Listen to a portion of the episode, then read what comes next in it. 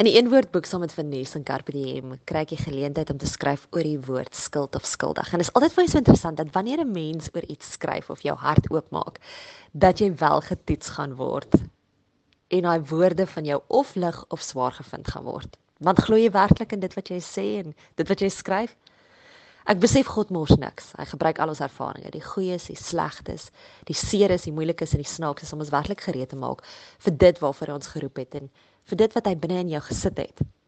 En wanneer jy jou geestelike ore so gespits hou, gee God werklik kans om met jou te praat wanneer hy reg langs jou loop. It's in that still small voice. Want hoe nader hy aan jou kom, hoe sagter kan hy fluister. En ek toets myself altyd aan die eerste gevoel wat by my opkom. En wanneer sekerheid opkom, dan weet ek God you're with me. Ek het die Here altyd by my omdat hy by my is, sal ek nie struikel nie. Sê wat Psalm 16 vers 8 sê nie.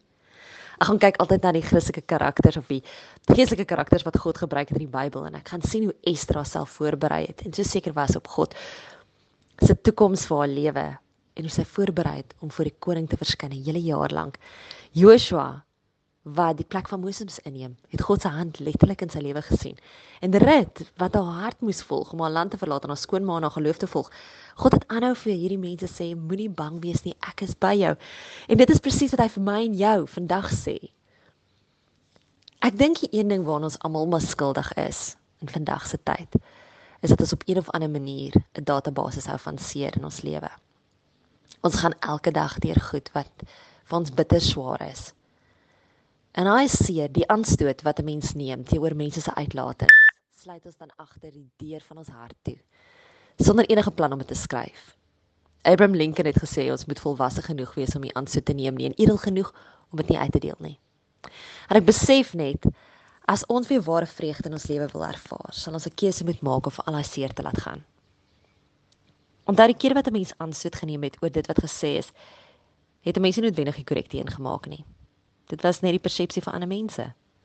En om te vergeet is 'n keuse. En soms is dit net jy nie die seer en die teleurstelling nie gaan kan onthou nie. Jy maak net 'n keuse om aan die positiewe dinge in jou lewe te dink eerder as om aan daai seer goed dan nou te herroep. Ek dink ek en jy moet op 'n plek kom waar ons besef God wil hê dat ons aan beter goed moet dink. Filippense 4 vers 8 sê dit so mooi. Alles wat regverdig is, alles wat rein is, alles wat lieflik is, alles wat loflik is, alles wat deeg is, Kom ons bedink dit eerder. Kom ons vergeet die seer. Maar moet nooit die les wat jy geleer het vergeet nie. Kom ons kweek die gewoonte om dankbaar te wees vir dit wat 'n mens oorkom het.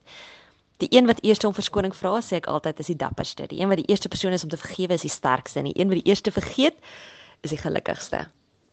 Ek kyk na my lewe en ek besef nie dat kom ons wees net bewus van God se teenwoordigheid in ons alledaagse lewe en kom ons weet omdat hy by ons is, is daar hoop.